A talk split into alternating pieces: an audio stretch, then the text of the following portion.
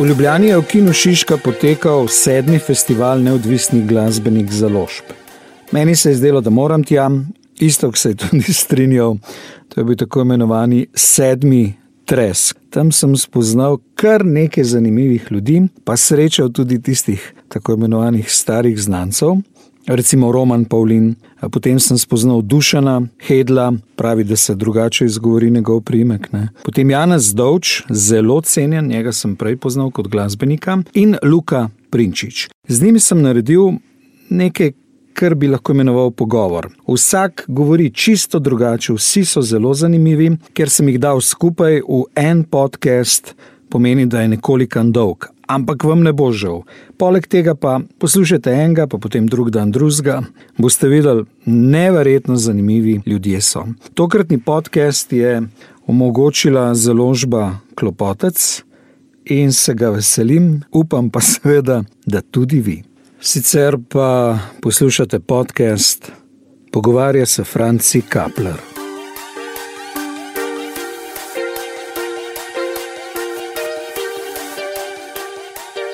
Zdaj, prostor ni najbolj, bom rekel, optimističen. Ne? V zadju long playov, ki jih ponuja publiki Roman Pavlin, Roman Žive. Ja, že pozorno.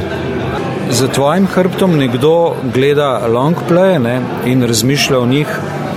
A se ti ne zdi, da v bistvu prodaja long play bolj zgleda kot ogled knjig v knjigarni?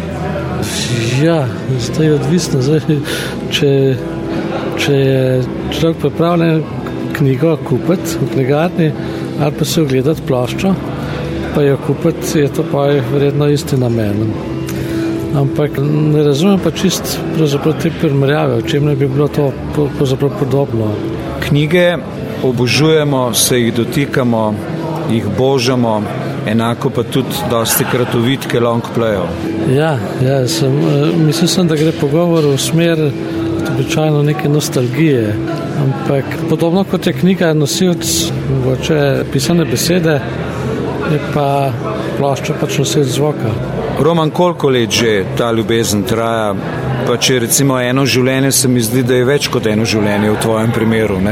Ja, zdaj, koliko traja eno življenje, to je vprašanje ampak moja povezanost s ploščami traja nekje od leta 1975, se pravi, smo nekje pri 40 letih, drži.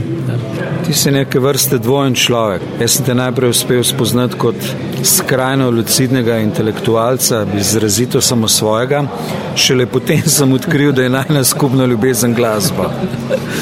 Ja, to je, da veš čisto na kaj, na kaj to leti, ampak Jaz se spomnim, da smo zelo hitro, ko smo se prvič srečali, da je prišla beseda na Rolling Stones. Sprav, najprej vem, da je bilo nekaj stavkov o, o politiki, potem pa Rolling Stones, potem pa spet politika. Ja, tudi jaz se spomnim, tako pa jezero je bilo, ne? Zbilsko jezero. Zbilsko jezero, no, za jezero se pa ne spomnim, to, pa, to mi pa malo ne znano. Ampak to je pa vedno stvar spomina, ne? interpretacije zgodovine. Long play so bili zelo pomembni, potem so izginili, so jih samo posamezni zbiralci kupovali, sedaj pa kar naenkrat, pa ne tako naenkrat, ampak zadnji dve leti, recimo, pa mlade generacije kupujejo long play, celo lestvice so spet. A se ti zdi, da upaš že reči, vedno sem imel prav? Tukaj sploh ne vem, zakaj bi moral imeti prav, ampak eh, to se je rekel dve leti, ampak ta trend, mislim, da gre že vsakoštih deset let, da gre na vzgor. Saj tako nekako pažam tudi na teh eh, sejmih plošč, da se tudi eh, zanimanje se veča in tudi vse več je novih plošč ali pa teh rej zdaj starih naslovov spet na trgu. Roman, drug problem pa je, koliko ljudje, ki kupimo long playe, potem long playe tudi v resnici poslušamo. Namreč glasbo imamo recimo na pametnih telefonih, na računalniku in tako naprej. Ne? Redki so trenutki, ko v resnici long play damo na gramofon. Ja, to je zdaj tudi odvisno od tega. Mislim, da je ena skupina ljudi, ki je dejansko se od long playov distancirala, pa je zdaj spet mogoče začela kupovati. Ampak je pa tudi veliko takih, tudi eh, jaz recimo sem med njih, pa pravzaprav nikoli niso prekinili z LP. Tako da tudi do LP-ov nimam kakšnih takih nostalgičnih občutkov, zato ker enostavno nisem se okoli tega distanciral. Oni so tvoja sedanjost celo življenje. Ne? Ja, lahko bi rekel, da so preteklost, sedanjost, pa upam tudi prihodnost. Za razliko od tebe jih imam sam približno deset novih, ampak jih nikoli ne poslušam. Vedno sem na pametnem telefonu, na računalniku. Se mi zdijo kot en moj spomin, tako kot knjige, recimo, ki sem jih trikrat prebral, četrtič jih pa nisem več hotel. Kako long play živi v resnici? Ja, to, kar si rekel, da imaš da imaš doma LP-je, pa da poslušaš iz teh drugih medijev, je tako, kot da bi imel v garaži Rolls Royce, hodil bi pa peš. Ja, to je zdrav način življenja. ja, da, vem, če, nis, nisem mislil v tem smislu, se pravi, v smislu zdravega načina življenja, ampak eh, jaz mislim, da je LP vse za poslušanje, pač narejen in, in tudi, če z njim primerno delaš, ga lahko brez kakšnega strahu poslušaš in ti ostane pravzaprav za zmeraj. Roman, kaj pa misliš o novih trendih tiskanja izdelave long playov? Recimo Jack White je naredil enega popolnoma nenavadnega. Se ti ne zdi, da morda nove tehnologije omogočajo tudi drugačen pristop do long playa? Čist tehnološko. No, zdaj tehnološko vem, da obstajajo razne inovacije in tudi za Jacka Whitea sem slišal, da, da dela plošče, ki jih ne može na gramofon in podobne stvari. Vem tudi, da so zdaj na izdaje vibravoidov take, da se vrtijo od sredine proti eh, začetku plošče. Ja, to je eden od izumov takih. Ja. Ja. No, pa eno izumov je tudi ta, da, da te, ko umreš, da tvoj pepel stisnejo v ploščo, pa to pa razdelijo med sorodnike. To je bila verjetno pripomba.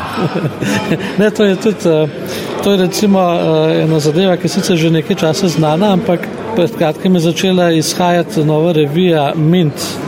To je na nemškem govornem področju o zbirateljstvu plošč in je bil prvi številk, je bil prav ta članek o tem podjetju, kako funkcionira in tako naprej. Si začutil neko bližino do tega članka? Ja, moram reči, da mi je dal misliti. Kako se ti zdi s tem našim življenjem? Long play bojo dlje trajali, kot mi izgleda. Ja, mislim, da long play na vsak način nas bojo preživeli. To, pa, to je res. Ja. Nekaj long playov je, iz moje mladosti, ki jih recimo ne bom nikoli pozabil. Uvitek Let it bleed od Stonesov, recimo, ne? ali pa Let it be od Beatlov, tudi uvitek. Ja. Je pri tebi kakšen uvitek, ki pa ga imaš tudi v posebnem spominu? Ja, takih uvitkov je bilo kar več. Se pravi, zdaj le ko sem pripravljal, sortiral te plošče tukaj za mano, sem se eh, zamislil, ko sem potegnil ven recimo ploščo Brain Salad Surgery od Emerson Lake Palmer. In sem se spomnil na Emersona, ki je, mislim, da je prejšnji petek, da je umrl. Ustrelil se je. Ustrelil, ja sem slišal, da se je ustrelil. No, vidite, je pa tudi nekaj posebnega, ne? ker je od uh, tega švicarskega umetnika Gigarja in je tudi tako zelo specialen in nekako ustreza vsebini te plošče. A te odstrel rock and roll zvezdnikov v zadnjem času kaj gane? Ja, seveda, seveda me. Ne, to so vse nekakšni ljudje, ki, ki sem se na nek poseben način z njimi družil desetletja in ko jih enkrat ni več, tudi nekako nekak ne, ne greš čisto mirno mimo tega.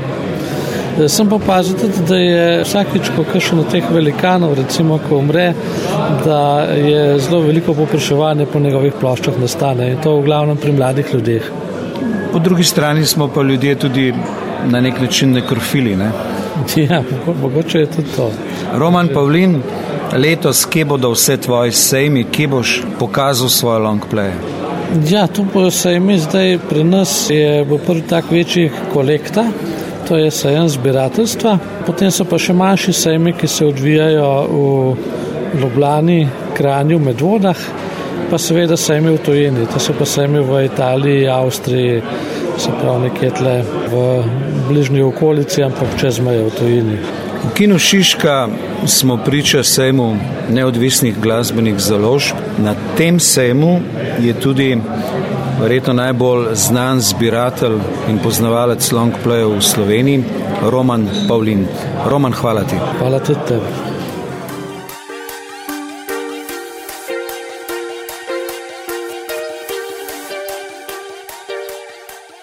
Vi ste Dušan Hedel. to sem jaz. Hvala, da ste, me, da ste me prepoznali. Nekaj ljudi mi je reklo, da ste v bistvu prvi človek neodvisne založniške scene v Sloveniji in da če se sploh s kom pogovarjam, se moram najprej z vami. Zakaj? Zato, ker moj predhodnik je pa že mrtev. Človek, od katerega sem se učil, Marijo Marzidovšek, pri katerem sem pravzaprav res videl, kako se neodvisno založništvo, za res neodvisno založništvo dela. Kajti škuc založništvo, ki smo ga imeli primer videti, za nas takrat ni bilo za res neodvisno založništvo, kajti je bilo državno podpirano iz študentskega denarja. Torej že takrat funkcioniralo na javnih sredstvih na nek način. Mi pa smo se v severovzhodni Sloveniji šli začetnike podjetništva v kulturi in pa za res neodvisnega založništva in neodvisne galeristike. Seveda smo pri tem naleteli na slovensko kulturno politiko, ki pa podjetništva v kulturi ne odobrava in ga uničuje. In pri tem smo seveda doživeli veliko neuspehov. Marijo je seveda pri tem pregorel in seveda tudi tragično umrl, medtem ko pa uh, sam se še vedno učim na neuspehih. Veliki podjetniki govorijo, da neuspehi naredijo podjetnika. Torej bi, bi zdaj že po vseh teh letih moral biti velik podjetnik. Sveda, malo se hecamo, malo za res, ampak mi moramo vedeti, da smo mi na neodvisnem založništvu pravzaprav več vpeti le v slovensko kulturno politiko. Ta pa je izredno problematična, kajti ne podpira produkcije v kulturi, ne podpira umetnikov, temveč podpira kulturnike. Kulturnike imenujem tiste, ki delajo v javnem sektorju, neopravičeno v službah, neopravičeno zaposleni v, sektorju, v javnem sektorju, medtem ko masa, sedaj pa smo mislim že v tistem kritičnem, kritičnem trenutku, ko je ena masa presegla teh samozaposlenih v kulturi in pa zasebništva v kulturi, zasebnih zavodov, društev, ki bi morala priti do veljave. Čudi me, da vsa ta masa, ta kritična masa, kritična masa, ne mislim kritična masa v tem, da je kritična, temveč številčno kritična ki dela v kulturi in je seveda bolje usposobljena, bolje podjetniško usposobljena, kajti zasebnih zavodih in društv in pa samostojni podjetniki v kulturi, samostojni novinari, samostojni kulturniki, samostojni ustvarjalci morajo, biti, morajo imeti za svoj obstoj, morajo poznati vse osnove podjetniških znanj. Ki pa v javnih zavodih, ki sedaj funkcionirajo na nek način, ki mi ni več jasen, jih poznajo samo nekateri, oziroma jih večina zanika pomeni, da bomo kmalo doživeli veliko spremembo, ne glede na to, kako se bo kulturna politika v Sloveniji pisala ali pa izvajala, bomo kmalo samodejno doživeli veliko spremembo v produkciji kulture. No, samodejno se mi zdi popolnoma nemogoče. Ali, mogoče, ja. ali morda napovedujete ustanovitev stranke, gibanja sindikalnega, kakšne posebne organizacije med ljudmi, ki so kot samozaposleni v kulturi proti uradnikom državnim, ki delajo na področju kulture. Ne, to nikakor.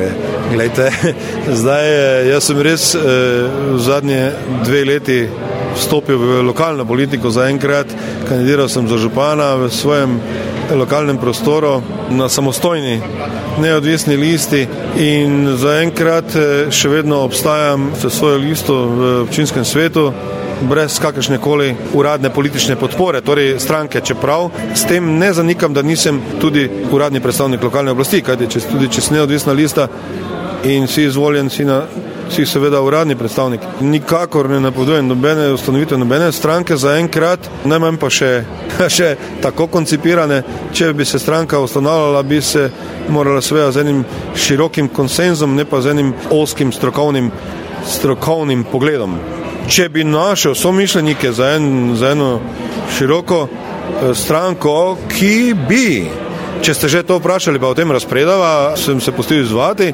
ki, če bi našel somišljenike, ki bi iskali dobro mero med različnimi ekstremi, Pri nas imamo različne ekstreme, desne, leve, v kulturi imamo ja, recimo javnozavodske in samostojne, v zdravstvu so drugi problemi, v podjetništvu, v gospodarstvu so drugi problemi in v Sloveniji je preveč ekstremizma in ne bom rekel tako imenovanega, temveč direktnega ekstremizma. Mi moramo začeti upoštevati pravila, mednarodna pravila, zato so. Kajti, če smo pristopili Evropi, če smo pristopili NATO, to je potem takem nepovratno za enkrat, vsaj tako vidimo.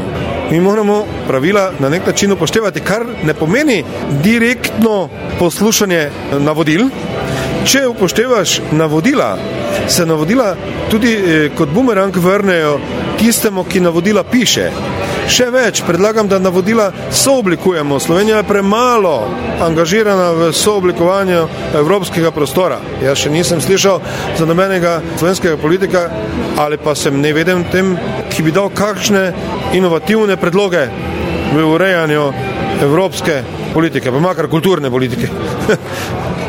Dušan Hedel, a ste vi človek rock'n'rolla? pa vi ste pa zabavljač.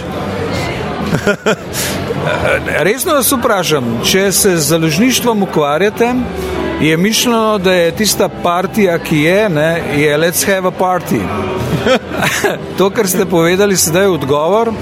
Je pa v bistvu en resen razmislek o stanju slovenske kulturne politike, ki je pa v bistvu že vsaj deset let čaka na reformo, ne, ki si jo očitno želite. Ne.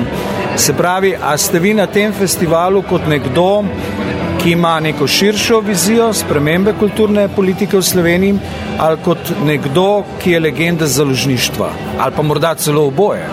Oboje, več, sem pa tja, ne vemo, kako, kam nas življenje pripelje. Preveč stvari, preveč zakoličiti, nikoli ni dobro. Stvari zakoličiti, tako v osebnem ali poslovnem, kulturnem, političnem življenju, pomeni ekstremizem.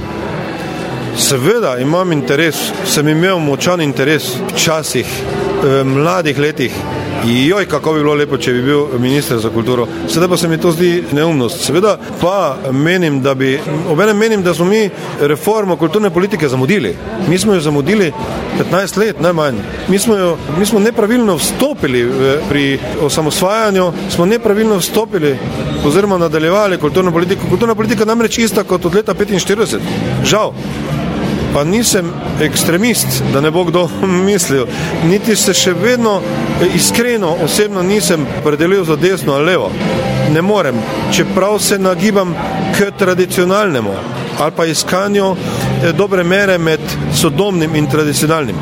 Da pa kulturne politike mi nismo spremenili, to nas bo teplo in to nas bo najbolj teplo v gospodarstvo. Kajti, če mi priznamo, da je kulturna politika tam, kjer se ustvarjajo vzorci mišljenja, splošno uveljavljeno razmišljanje, potem so kulturniki tisti in tisti umetniki, ki so to kulturno politiko podpirali v zadnjih 25 letih samostojne države, krivi za takšno stanje v gospodarstvu.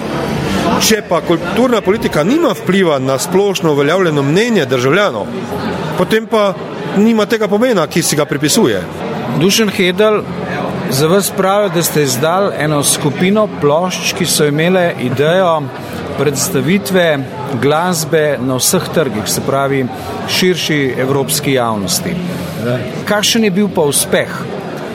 Katera edicija je to? Rokeri pojejo pesnike, sigurno Recimo, to ni, ne, ne, ne, ker je to, to je uh, to No je, Border Jam. To je No Border Jam, ali pa gremo po vrsti. Rokeri pojejo pesnike je čisto projekt za nacionalni prostor, kjer slovenski pesniki napišejo pesmi in jih eh, glasbeniki uglasbijo. Ta projekt v Kulturnem centru Maribor delamo že od leta 95, ko sem bil direktor Radia Marš in smo ga tam začeli. Na začetku so bili zraven Jure Ivanušič in tako naprej.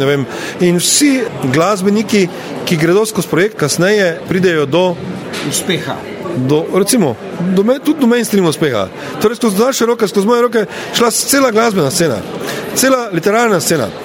Imamo pa seveda problem pri tem, kar je naprimer Gregor Strniša in kjer je slovenska popevka v slovenski glasbi končala in tam se je zares končala. Namreč, ko so priznani pesniki ali pa kasneje izredno priznani pesniki pisali besedila za tudi narodno zbavno glasbo, popularno glasbo in smo, imeli, in smo imeli kvalitetno popularno glasbo. To je osnovna ideja, ki bi jo radi dosegli, da bi prišli do ene kvalitete, simbioze med glasbo in besedilom. Sveda, ampak je pa zelo zanimivo ta, ta ekstremizem. Ta ekstremizem na literarni sceni in ta ekstremizem na glasbeni sceni. Mi ne bomo pisali komercialnih besedil, mi pa ne bomo igrali komercialne glasbe. Zato, potem pa imamo to, kar vidimo na dnevih slovenske popularne glasbe, eh, ki smo jih videli na TV Slovenija.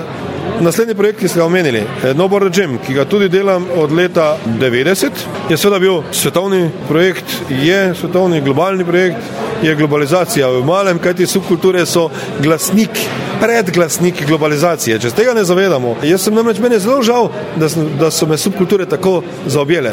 Kaj ti, če, če me pa ne bi zaobjele, pa verjetno nikoli ne bi spoznal različnih prostorov. Ko govorimo o Noborečemu, je izredno subkulturni projekt. Subkulture zdaj se že sprašujem, ali ni to pravzaprav predhodnica enega globalnega interesa, Kajti vse, kar smo v subkulturah videli pred petimi leti, pred desetimi leti, se sedaj v mainstreamu uveljavlja. Čist banalna stvar, na turneji v Nemčiji, ko smo z bendom CZD turali v Nemčiji, v skvotih, radikalnih, levičarskih skvotih, moški nismo smeli scati stoje.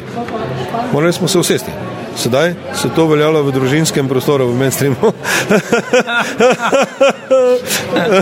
Zelo zabavno, ampak seveda, povedal sem anegdoto, zabavno stran, koliko političnih strategij se vidi v subkulturah.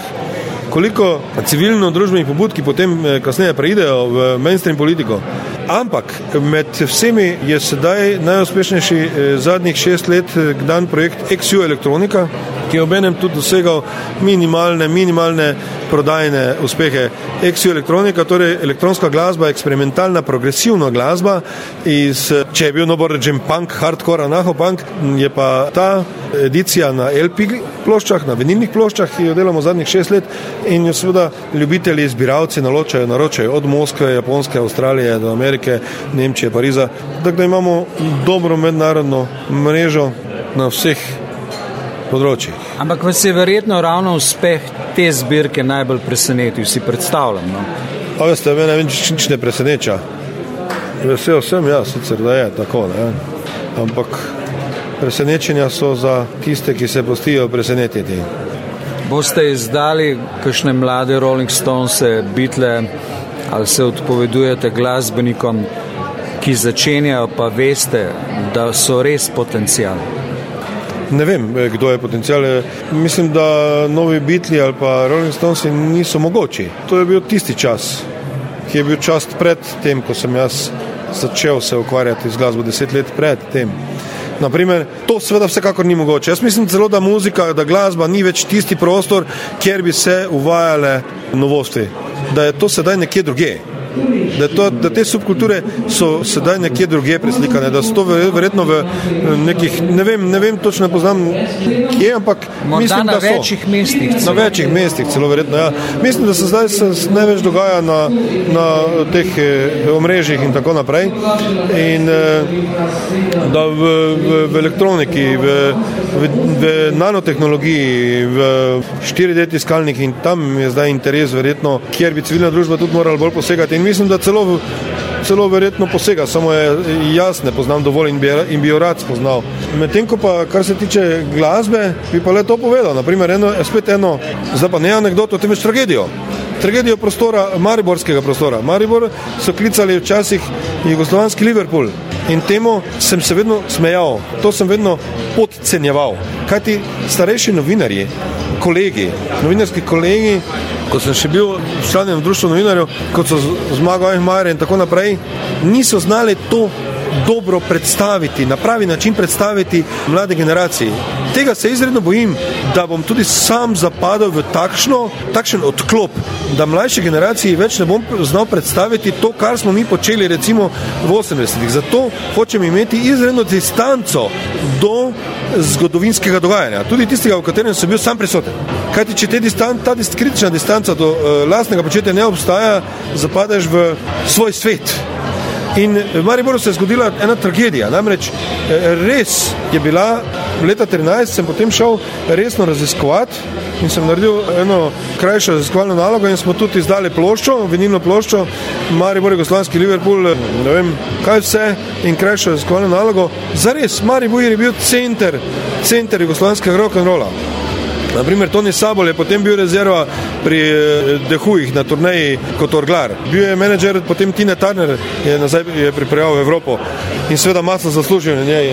In je bil, seveda, je bil band generacija, ki je leta 68 izdal LP v Švici. Verjetno prvi tako dosti bolj radikalen power flower rock and roll album pred grupo 220, naprimer, iz teh, teh prostorov. Ta skupina generacije je celo dva hita izdala za nemški, avstrijski oziroma nemško govoreči prostor. Te singlice celo doživele za španski prostor po natise.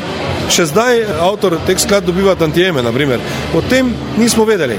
Rdeči dečki in tako naprej. Zakaj, naprimer, se je kdo vprašal v slovenskem kulturnem prostoru, zakaj so skoraj vsi, oziroma vsaj velika večina pevcev slovenske popevke prihaja iz Maribora. Od Lenke Pinteriči, Ditka Habel, Edina Fliserja, Ivo Mojzerja, sveda tu je tudi bil Alfi Nipič vklopljen v ene rock bende, včasih je do, se oprečujem, katere nisem naštel, pa še jih je.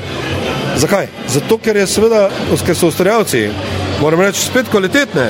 Ko je javni zavod še imel svoj namen in izvajal svoj nacionalni interes, televizija Slovenija, televizija Ljubljana, takrat imenovana skozi čeprav so prestrigli krila na nek način subkulturi, ampak do tega nima nobenih sentimentalnega odnosa. Kaj je subkultura? Je po, po eni strani velika neumnost, kot smo rekli, po eni strani pa, če ne poznamo, živimo v veliki nevednosti. So prestrigli krila mariborski subkulturi, rokerski, ampak so ustvarili izredno kvalitetno, kvalitetno slovensko popevko. Mariborska rock and roll scena, bi scena kateri so se hodili učiti največji rokerji jugoslovanski, potem, naprimer, odkot je Johnny Štulič dobil ime, obstaja legenda, da, se, da je na Silbi bil mariborski basist Johnny, ki so ga klicali Johnny. Igral je tudi pri Buldožerjih nekaj časa bas, potem pri 7 svetlobnih, ne vem, pri 7 svetlobnih Kreslin. Kreslin? Let, let. let. Ja, ampak Kreslin, Kreslin je tam bil. Ja, Kreslin, ja, ja, Vlado Kreslin. Tam je igral in tako naprej so se srečali ti fantje takrat na Silbi, kjer so se jugoslovanski glasbeniki zbirali in Johnny je bil, so bile všeč tako njegove ideje, filozofija v glasbi in tako naprej in je seveda se potem poimenoval Johnny, ne. Medtem je seveda, je ta Johnny bil tudi pri eni skupini Trans Ego Express, ki je delovala v Londonu. Je bila, imela pogodbo z Electric Light Orchestra, da bi nastopala kot predskupina in tako naprej, tako naprej. Ogromno, ogromno fantastičnih zgodb, fantastičnih zgodb. Jaz sem poskusil dokončati dokumentarni film, vendar mi slovenski filmski sklad tega ni podprl, na nek način nismo v dovoljšni meri kvalitetno končali ta dokumentarec, material še leži, upam, da ga bomo imeli možnost končati kvalitetno, da bi to zgodbo le razkrili in mislim, da je svetovna zgodba. Dušan Hedel, knjigo imava na mizi. Hedel? Ne Hedel, vi poskusite reči Lidl. Lidl? Ja, Hedel. Hedel. Ja, ker v A to ni pa slovenska izgovorjava? Vi spreminjate slovenščino. Aha. Govorite 600 Ha. in potem me vprašate, zakaj, zakaj, vi- zakaj vi Ja, govorite v redu, v 600 redu. in potem mi pravite, kaj ne rečem 600? 600 ne, pa 600. Pa, pa vi še enkrat povedite svoje ime. Ja, Dušan Hedel, ja, hvala. Ja. Knjigo imava tukaj Ja. ja. na mizi. Ta knjiga je vaše soavtorsko delo, če prav razumem. Tako, ja. Bila je predstavljena ravno kar 35 neodvisnih založb, če sem prav razumel. Ne? To je kar ogromna številka. Ne? Ne vem točno, tega zadnjega dela nisem tako dobro bral, tega recimo bolj statističnega dela, ki je pa zelo uporaben za vse, ki se ukvarjajo z glasbo. Mene namreč zelo čudi, da slovenski glasbeniki se pritožujejo nad svojo neuspešnostjo, medtem ko pa imajo v knjigarnah na voljo po zelo nizkih cenah orodje, iz katerega bi se izredno dobro učili, kako pristopiti svoji karieri in uspešnosti. Knjiga je orodje za glasbenike in pa za založnike. In vsi, ki se z glasbo profesionalno ali pa želijo profesionalno ukvarjati ali pa tudi amatersko ukvarjajo. Notri so navodila, kako pravno, formalno pokrijemo svoje ustvarjalno področje, torej avtorsko, izvajalsko in tako naprej. So na sveti oziroma predstavljene dobre strani in zagovor, zakaj ne samo založništvo in zakaj skozi založništvo, ali pa če nekdo želi, želi skozi samo založništvo, ima tudi dobro orodje, kako in kako vse uresničiti. Mene izredno čudi, da slovenski glasbeniki podcenjujejo na nek način intelektualna urodja, torej dognanja, dognanja, ki so prišla iz teorije in prakse. Seveda verjamem tudi, zakaj je do tega prišlo. Do tega pa je prišlo zaradi tega, vam povem. Če pogledamo glasbeno kritiko v kulturnih centrih, recimo pop kulture, svetovne pop kulture, London, New York, Berlin in vidimo, kako so te knjige o pop glasbi napisane. Izredno preprosto, izredno razumljive, pa izredno tudi globoke. Medtem, kako so eh, glasbene kritike in knjige, seveda, ki neprimerno večjem številu izhajajo v Zagrebu in Beogradu, v našem bivšem skupnem kulturnem prostoru, napisane izredno preprosto, izredno dognano, tudi izredno teoretično dovršene in za vsakega bralca primerne. Pri nas pa seveda z centrom v Ljubljani, mi se v Mariboru hočemo iz tega odklopiti, izredno pametno, izredno teoretično, ne vem kje, intelektualno na nivoju, ne vem kje vse. Na koncu pa, ko se ko pa stvar, stvar se poglobimo, je pa vse skupaj en velik šit. Torej, kje bi tu bila krivda? Verjetno je ta krivda, ne vem, že, že v 80-ih, 70-ih, ko, ko, ko je še bil čas glasbene kritike in so se, in so se ustvarjali začetki kulturnih študij. In da je verjetno tukaj en kratek stik nastal. Kaj te slovenci hočemo vedno biti pametni, smo totalne budale in to kompenziramo, kompenziramo z nakladanjem. Samo še tole vprašanje ob koncu. Redki so ljudje, ki imajo svoje mnenje. Tudi prej, ko je bil pogovor, ne, je bilo očitno, da nekateri nimajo mnenja, vi pa ga imate. A ste že odnegdaj te vrste človek, da imate mnenje, ali je to v bistvu izkušnja življenjska po večjih letih ali pa po mnogih letih? O, to je zdaj vprašanje zelo zanimivo. Pazi. Mislim, da vsi ljudje v eh, sodobni medijski kulturi, Big Brother kulturi, menijo, da imajo svoje mnenje. Vsi mislijo, da imajo svoje mnenje. To je slabo mnenje. Jaz mislim, ja, ampak vse se razumeva. Ja. Ja, ja. Ja. Zdaj je potem problem izločiti, kaj je, kaj je za res eh, drugačno mnenje. Če je moje mnenje drugačno, jaz se od tega, tega bi rad se ogradil, da je moje mnenje drugačno. Skočim, da bi bilo strokovno utemeljeno, da ni ekstremistično, da je iskanje dobre mere. Dobre mere kako v tem prostoru zasebnik osebno, kot samostojna oseba, pride na nek način normalno skozi življenje, brez tega, da bi poškodoval ali pa preveč poškodoval sočloveka, in pa kako podjetje in pa javno podjetje, če, kot država, nacionalni prostor ali pa ena skupnost, lokalna ali skupnost pride na nek način normalno skozi v tem, v tem prostoru, globalnem prostoru. To me zanima. Če je to drugačno mnenje, to ne vem, tega niti ne o tem se ne sprašujem, ampak eh, mislim, da edino tako, da iščemo dobro mero med različnimi ekstremi, pa makar zelo radikalen način. Dušan Hedel, Hvala vam. Vi ste na šale, sem vidim, ja, da fajn, fajn smo se pogovarjali. Daj pa še enkrat ime. Hedl, Dušan Hedl. Neskončno hvala. hvala vam za interes intervjuja. Hvala.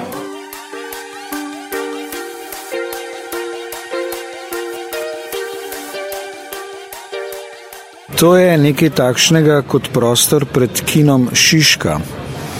Zdaj, v tem kinu lahko poslušate Jana Garbarka, lahko milijon drugih alter glasbenikov, Porcupine Tree, tudi pa mnoge druge, lahko pa ste tudi udeleženi na sedmem festivalu neodvisnih založb Treska, ali kako se že to reče? Kar samo Tresk. Tresk, Tresk, no pomagal mi je pa Janez Dovč. Vi ste, kar se mene tiče, mojster harmonike, kar se vas tiče, pa kako v resnici?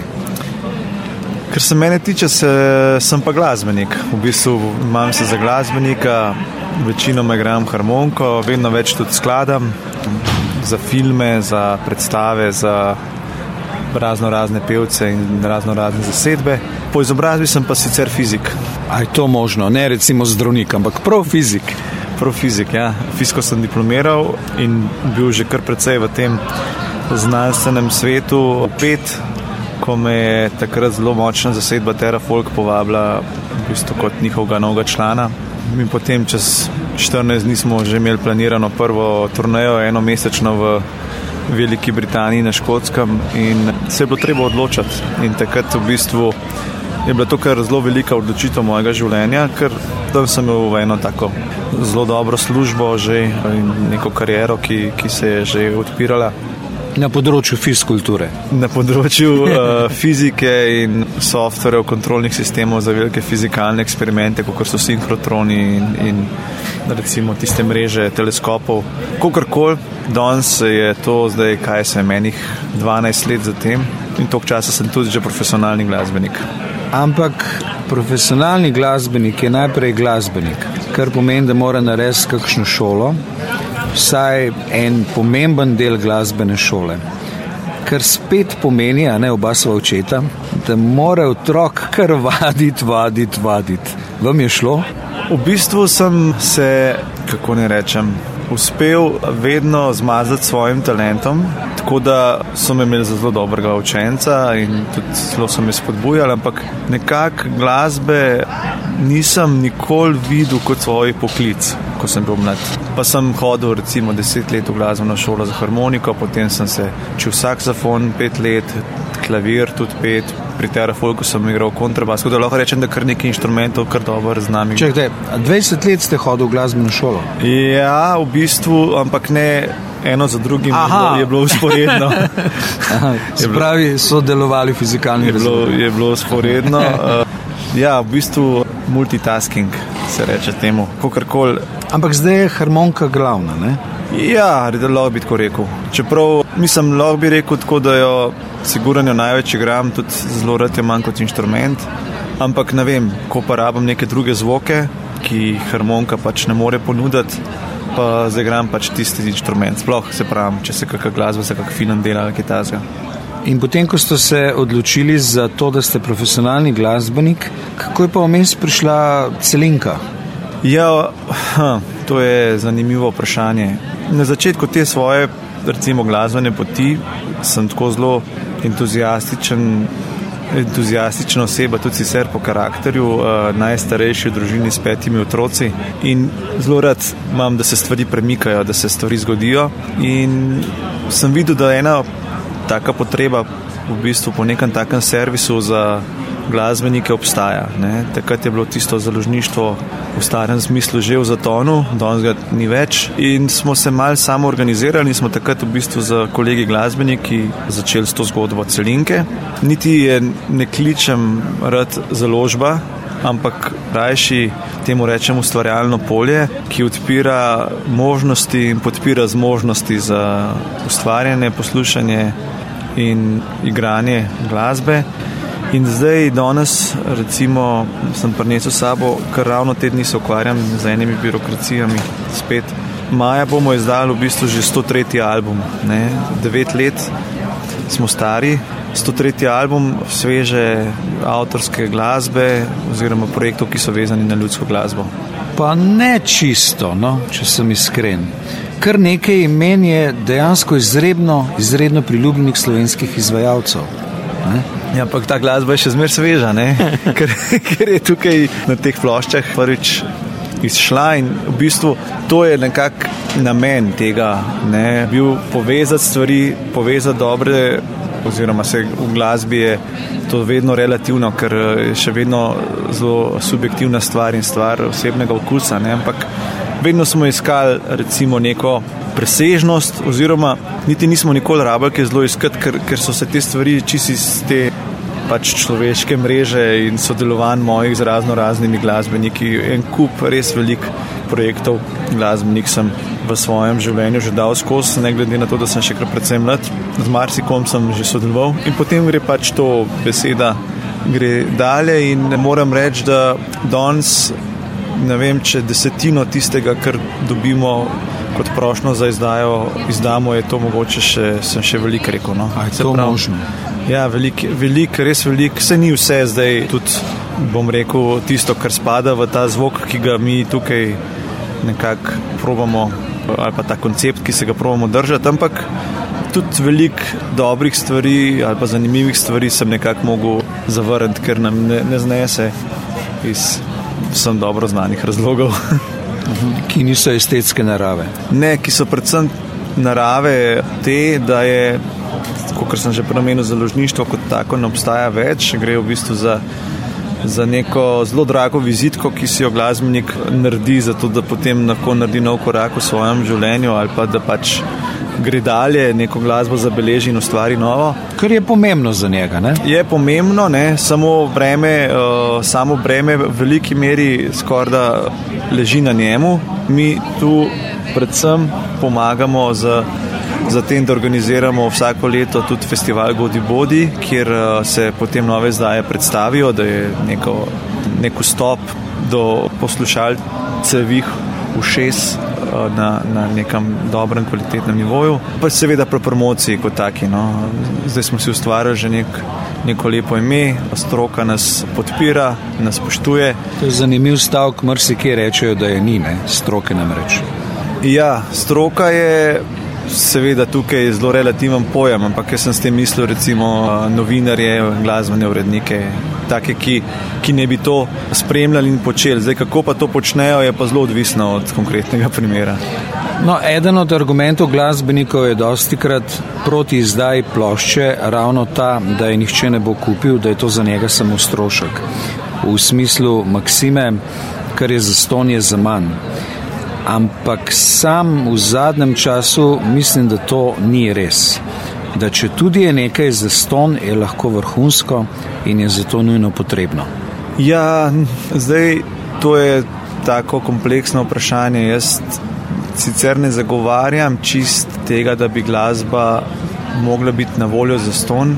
Jaz predvsem trdim, da je glasbe danes preveč. Sploh v tem smislu, da jo imamo na vsakem koraku, v vsakem frizeraju, v vsaki mesnici, na vsakem pametnem avtobusu. telefonu.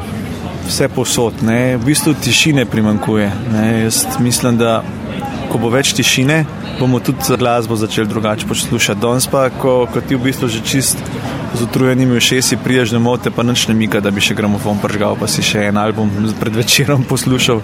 Po drugi strani je moral pa biti kar prijetno za vas, ko pride k vam recimo Nana Milčinski ali pa Bilbi, pa kar nekaj drugih imen je še prišlo k vam. Ne? Kako ste se počutili? Kot sem že rekel, ne, predvsem so to moji glasbeni kolegi. Jaz sem veliko večino v bistvu ustvarjalcev, ki jih je celinka igrala, dejansko tudi sodeloval kot glasbenik. Ker na nekaj ploščah sem tudi posnel kako harmoniko oziroma kak drug inštrument. Zdaj le v bistvu, ko pripravljamo nek, se ukvarjamo s tem, kaj bi naredili obstoti, zdaj se zelo spogledujem s tem, da bi naredili en poseben koncert, kjer bi v bistvu naredili nek hišni celinka ansambl, ki bi potem z vsemi temi, mislim z vsemi, z 20 recimo izbranimi skladbami iz tega našega repertoarja tudi nastopil. Tako da mislim, da v Sloveniji, to se lahko malo pohvalim, v Sloveniji ne vem, če je še kakšna taka založba, kjer bi umetniški vodja dejansko igral z vsemi glasbeniki, ki jih je zdal, no, bi mogel malo pogledati. Siguren je še kaj kašna, no, ampak ko na prvo žogo se zdaj ne spomnim.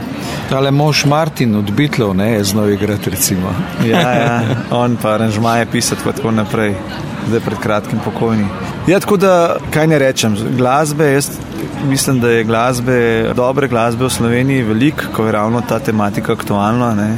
Je pa res, da si je treba za to malo čas vzeti, pa malo pobrskati, ker, kot so prej rekla, mediji z veliko večino se jim nalup delati na tem, kar jim ni treba, ne? ker je pač nivo, kakršen je. Predvsem tukaj sem razočaran nad nacionalno televizijo in njenim kulturnim doprinosom k temu prostoru. Ne, Niso so... vaši zavezniki, pa bi naravno morali biti. Ne? Mislim, zavezniki ali ne zavezniki slabo upravljajo svoje delo. Še, še enkrat bi si mogli prečitati statut, zakaj so bili ustanovljeni. Meni je še hujši primer radio osebno. No? Ja, se pravi, radiju jaz tako vidim, da nekatere radijske postaje, mislim, se tukaj ita govorijo več, ali pa mene zanima nacionalka, ne? privatne radijske postaje, ok, je to stvar lesnika, ne? več ali manj, sej. Frekvenca je sicer je, javno je. dobro in tako je naprej. Ja, ampak to, kar je pa javni medij, ne, tukaj se pa, tukaj pa ratam žučen, ko vidim, zakaj se zapravlja javni denar. No. To je tukaj je pač bistveno vprašanje. Ne. In kaj bi lahko recimo ena taka recimo druščina, kot je celninka, ne, kaj bi lahko naredila vem, z 20 tisoč evri letnega javnega denarja. To bi, to bi, to bi nas sonce obsijalo, zvezde bi sprašle in joka bi se od sreče. ker bi s tem lahko vem, še deset albumov na leto več izdal. Ob tem pa vemo, da se je v vem, sam tako zvani Evropski prestolnici kulture v Mariboru zgubilo na milijone in milijone denarja, javnega no, kulturnega denarja. Dušan Hedel je prej povedal, da je on tudi zelo kritičen do kulturne politike v Sloveniji. Iz te drobne pripombe o 20 tisoč evrih se mi zdi, da ste tudi vi. Ampak ta kritika kulturne politike je splošno znana že kar dolga leta. Reforme nihče ne upa izpeljati. A je kakšna pobuda iz tega vašega sektorja? Mi se v bistvu, bom tako rekel, za eno manjšo ekipo kolegov glasbenikov, ki se tudi v bistvu spoznajo malo na zakonodajo in na te stvari.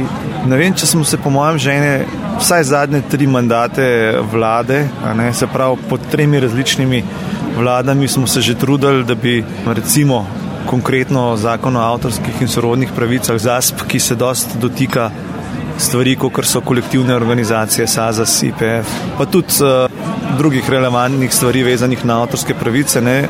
Se pravi, smo se trudili vsakič znova argumentirati o rokih, pošiljati pripombe in vse te stvari.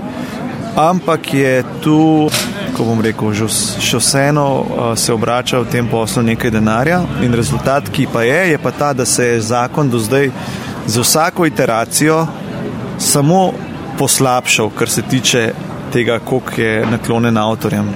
Od prvega zakona, ki je bil v bistvu najboljši ob tem, ko smo dobili svojo zakonodajo o osamosvojitvi, se je z vsakim popravljanjem samo poslabšal, samo zakompliciral, samo vzeli so se pravice avtorju, noter so se nametale tipično neke komplikacije za mešanje zraka in megle.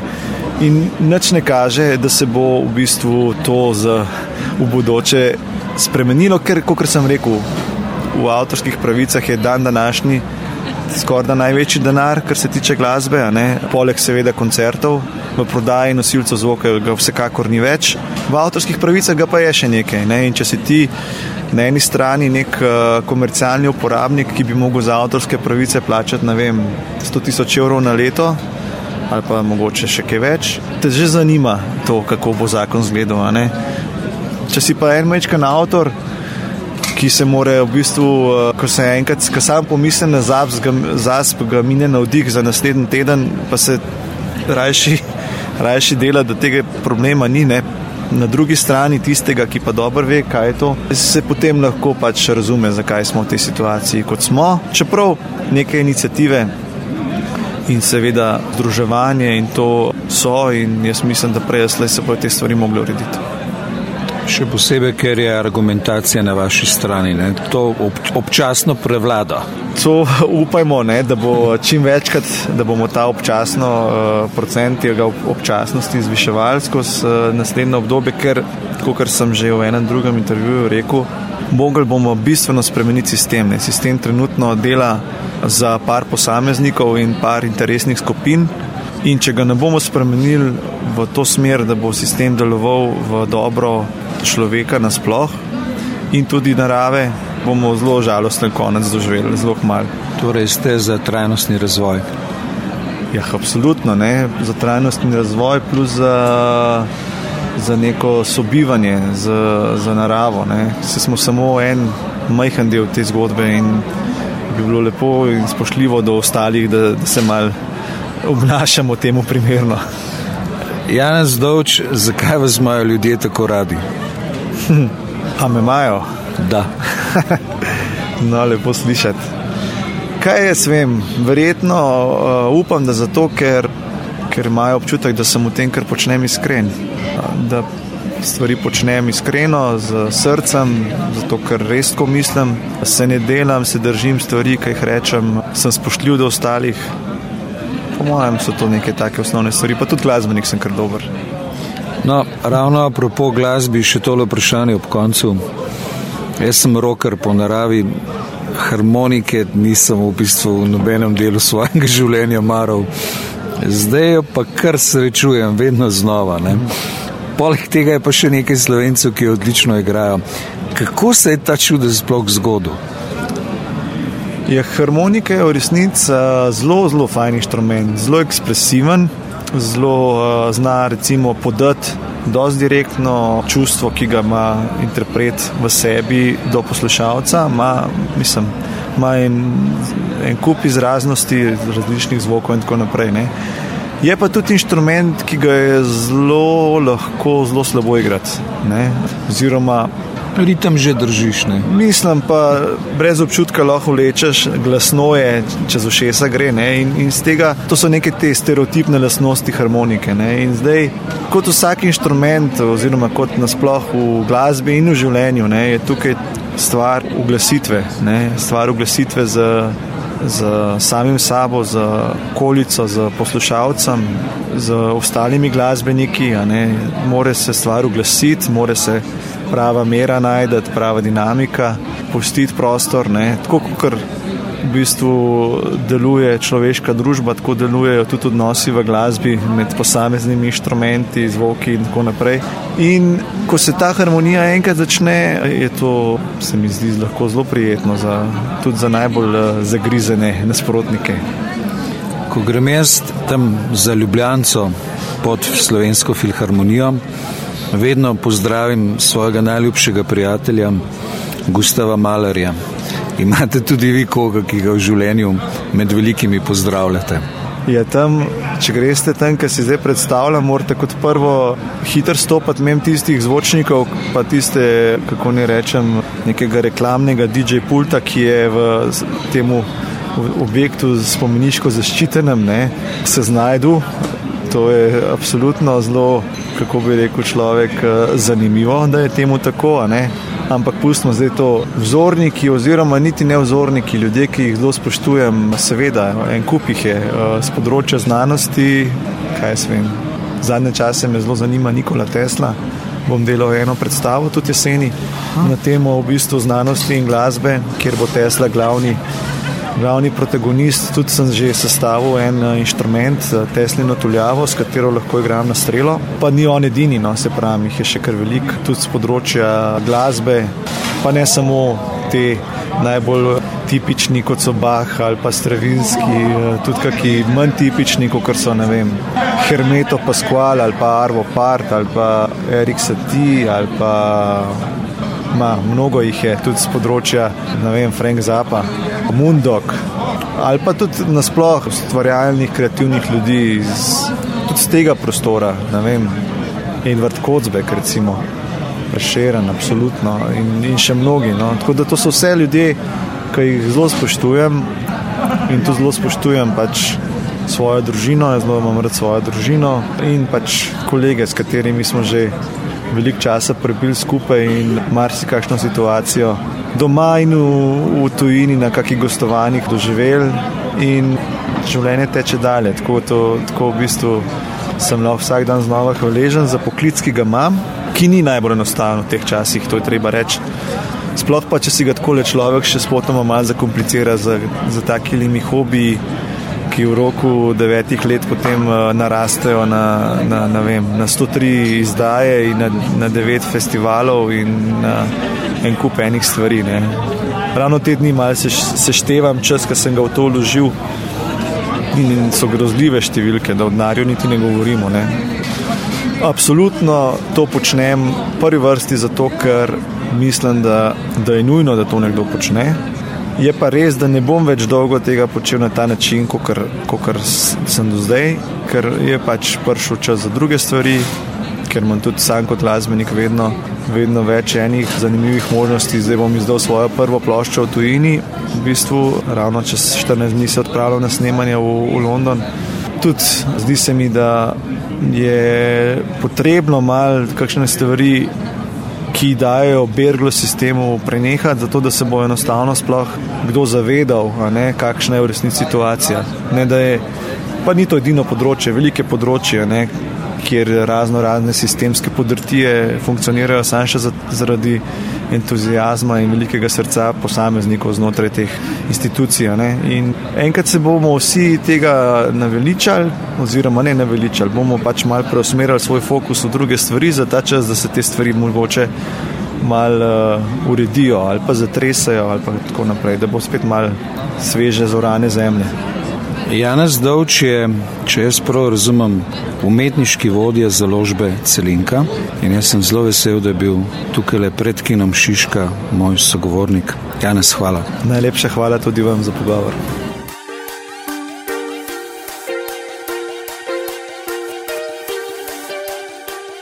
Zdaj, zgodil se je tako, da sem še vedno pred kinom Šiška.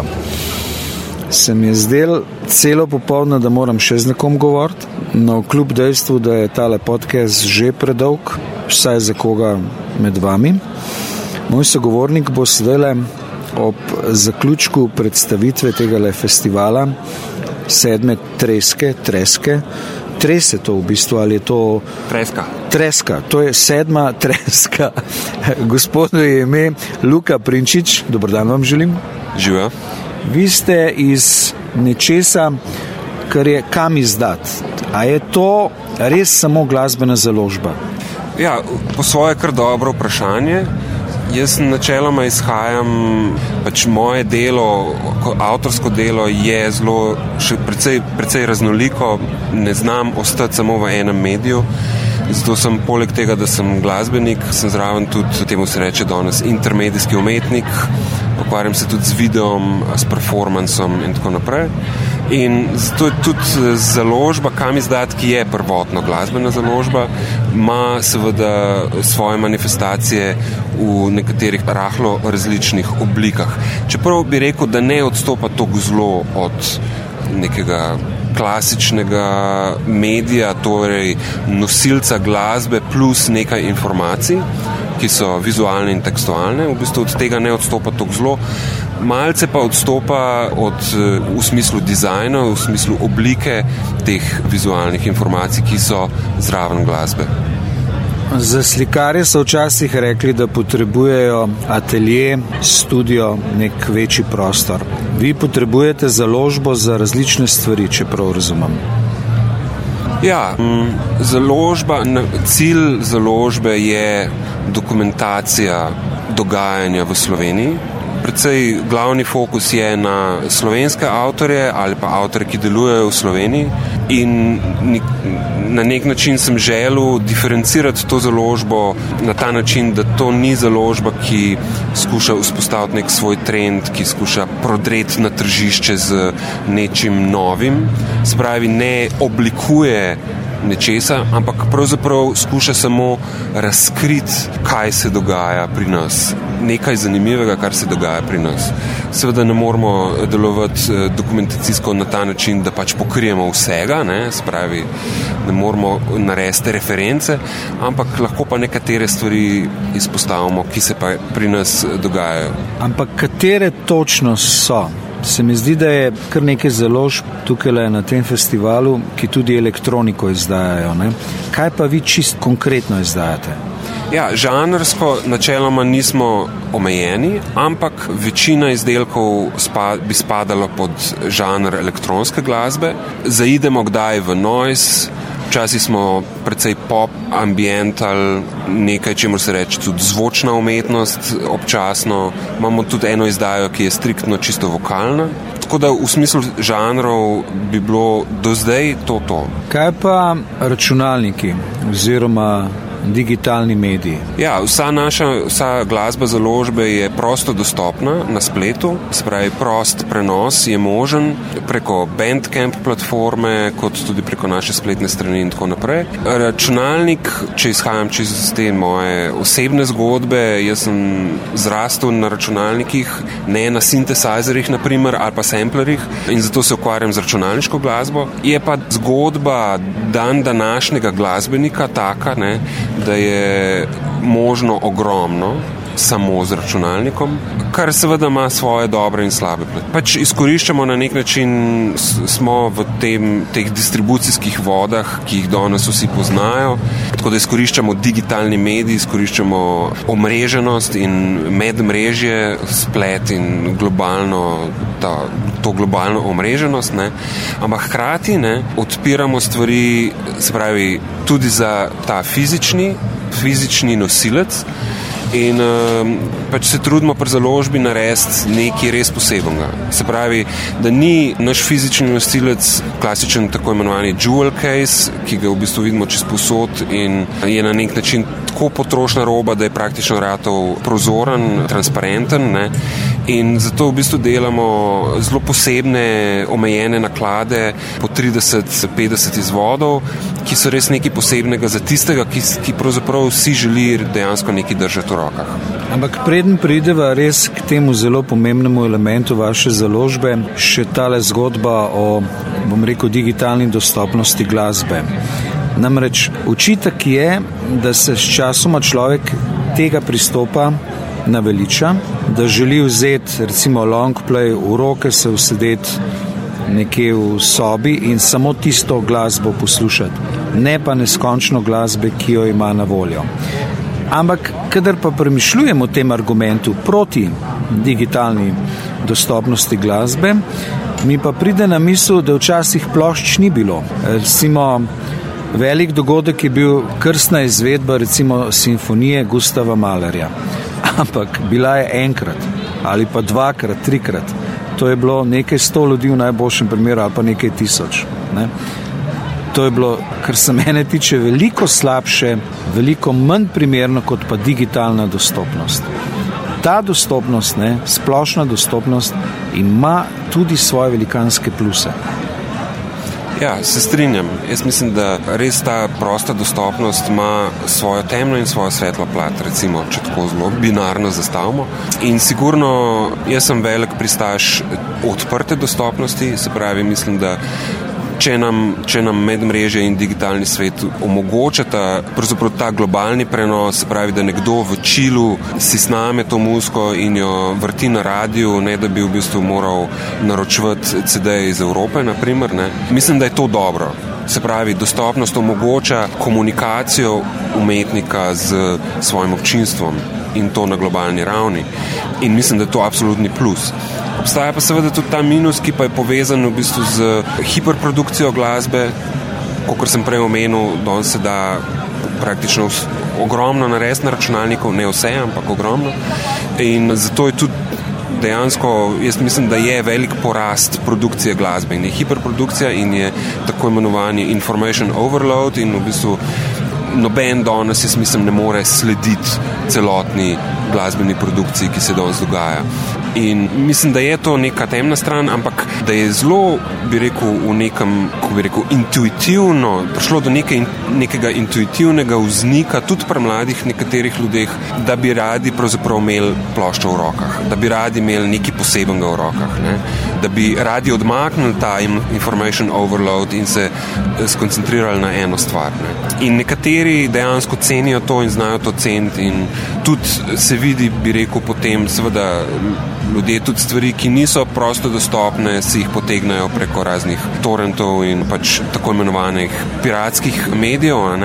So pa nekatere scene, ki ljudem ratuje jasno, da tudi glasbenik od nečesa mora živeti, oziroma da če nekaj imaš rad in ti je to všeč, boš podprl. In v bistvu meni je zelo všeč ta argument, da če smo že pri tej temi, ne, da pravzaprav z denarjem, ki ga imaš v roki, ti v bistvu lahko kreiraš svet. In v bistvu v momentu, ko ti daš nek denar za nek projekt na recimo Kickstarterju ali pa plačaš za digitalni download na Bandcampu, da ti s tem v bistvu ustvarjaš kulturo, da s tem ustvarjaš, v kakšnem svetu želiš živeti. Se pravi, s tem, kar si ti ne, ne, neki podprl, si v bistvu dal možnost, da ti ta stvar obstaja na tem svetu. In ta argument se mi zdi popolnoma drugačen kot ta klasičen argument, da tle je CD, ta CD je stal to pa tok narediti, zato ga moš plačati. Ne? In tle je, tle je neko brat te logike, ki se mi zdi, da nekateri so ga dojeli, nekateri pa še ne. Samo še ena tema. Vi v bistvu plošč nimate v vitkih. Ti v vitki bi jaz bi rekel neka druga beseda, bi bilo treba jo najti. Misliš plastičnih ovitkov? Ja, se mi zdi, ko, ja, kot da so ti sistemi ne, ali CD-je, kar koli pač naredite, v bistvu del nekega umetniškega izdelka. In tisti umetniški izdelek dejansko izstopa.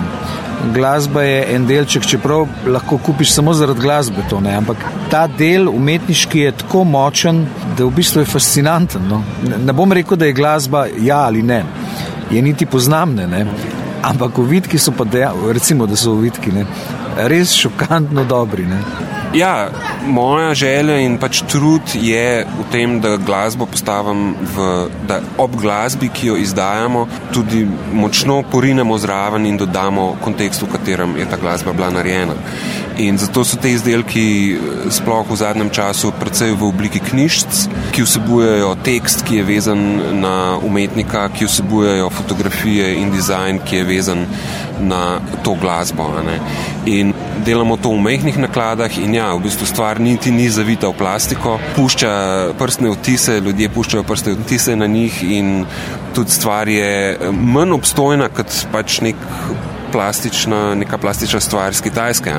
In to je del tega, se pravi, del neke minljivosti, ki je danes redka. Ne? Spravi, za nekoga, ki je danes zrastel na iTunesih, na MP3-jih in na svojem telefonu, pravi, kot edini izvor glasbe, je v bistvu to za njega nekaj popolnoma novega. Se pravi, minljivost nekega fizičnega izdelka, ki ga ima doma, mogoče polna omari, ga gleda, ga preklada po rokah in ta stvar tudi začne razpadati ampak tudi dotakljivost, ne? recimo inštrument primaš, pa je to glasba, tudi vaš uvitek, tako imenovan primaš, ne? pa je to glasba. Ja. ja. No, sva se strinjala. Moj sogovornik je bil Luka Prinčič iz založbe, vse smem reči založba. Ja, ja. Ja, iz založbe kam izdati, ob tem le sedaj že poznem večeru, recimo, da je res, zaključujemo tale podcast na temo sedme, spet ne vem, treske, treske. Sedmega festivala Tresk. sedmega festivala Tresk. Luka Prinčič, hvala. Hvala lepa. Tako pa ste prišli do konca podcasta. Pogovarja se Franci Kapler. Moji sogovorniki so bili Roman Pavlin, Dušan Hedel, Janez Dovč in Luka Prinčič. Tale podcast je omogočila založba Klopotec in tak. Res dober mikrofon imam, sem vesel, da ste ga poslušali. Če se vam je zdelo zanimivo, drugače dobro, povejte še komu in mu ga priporočite, bo pomagalo meni, pa tudi podcastu.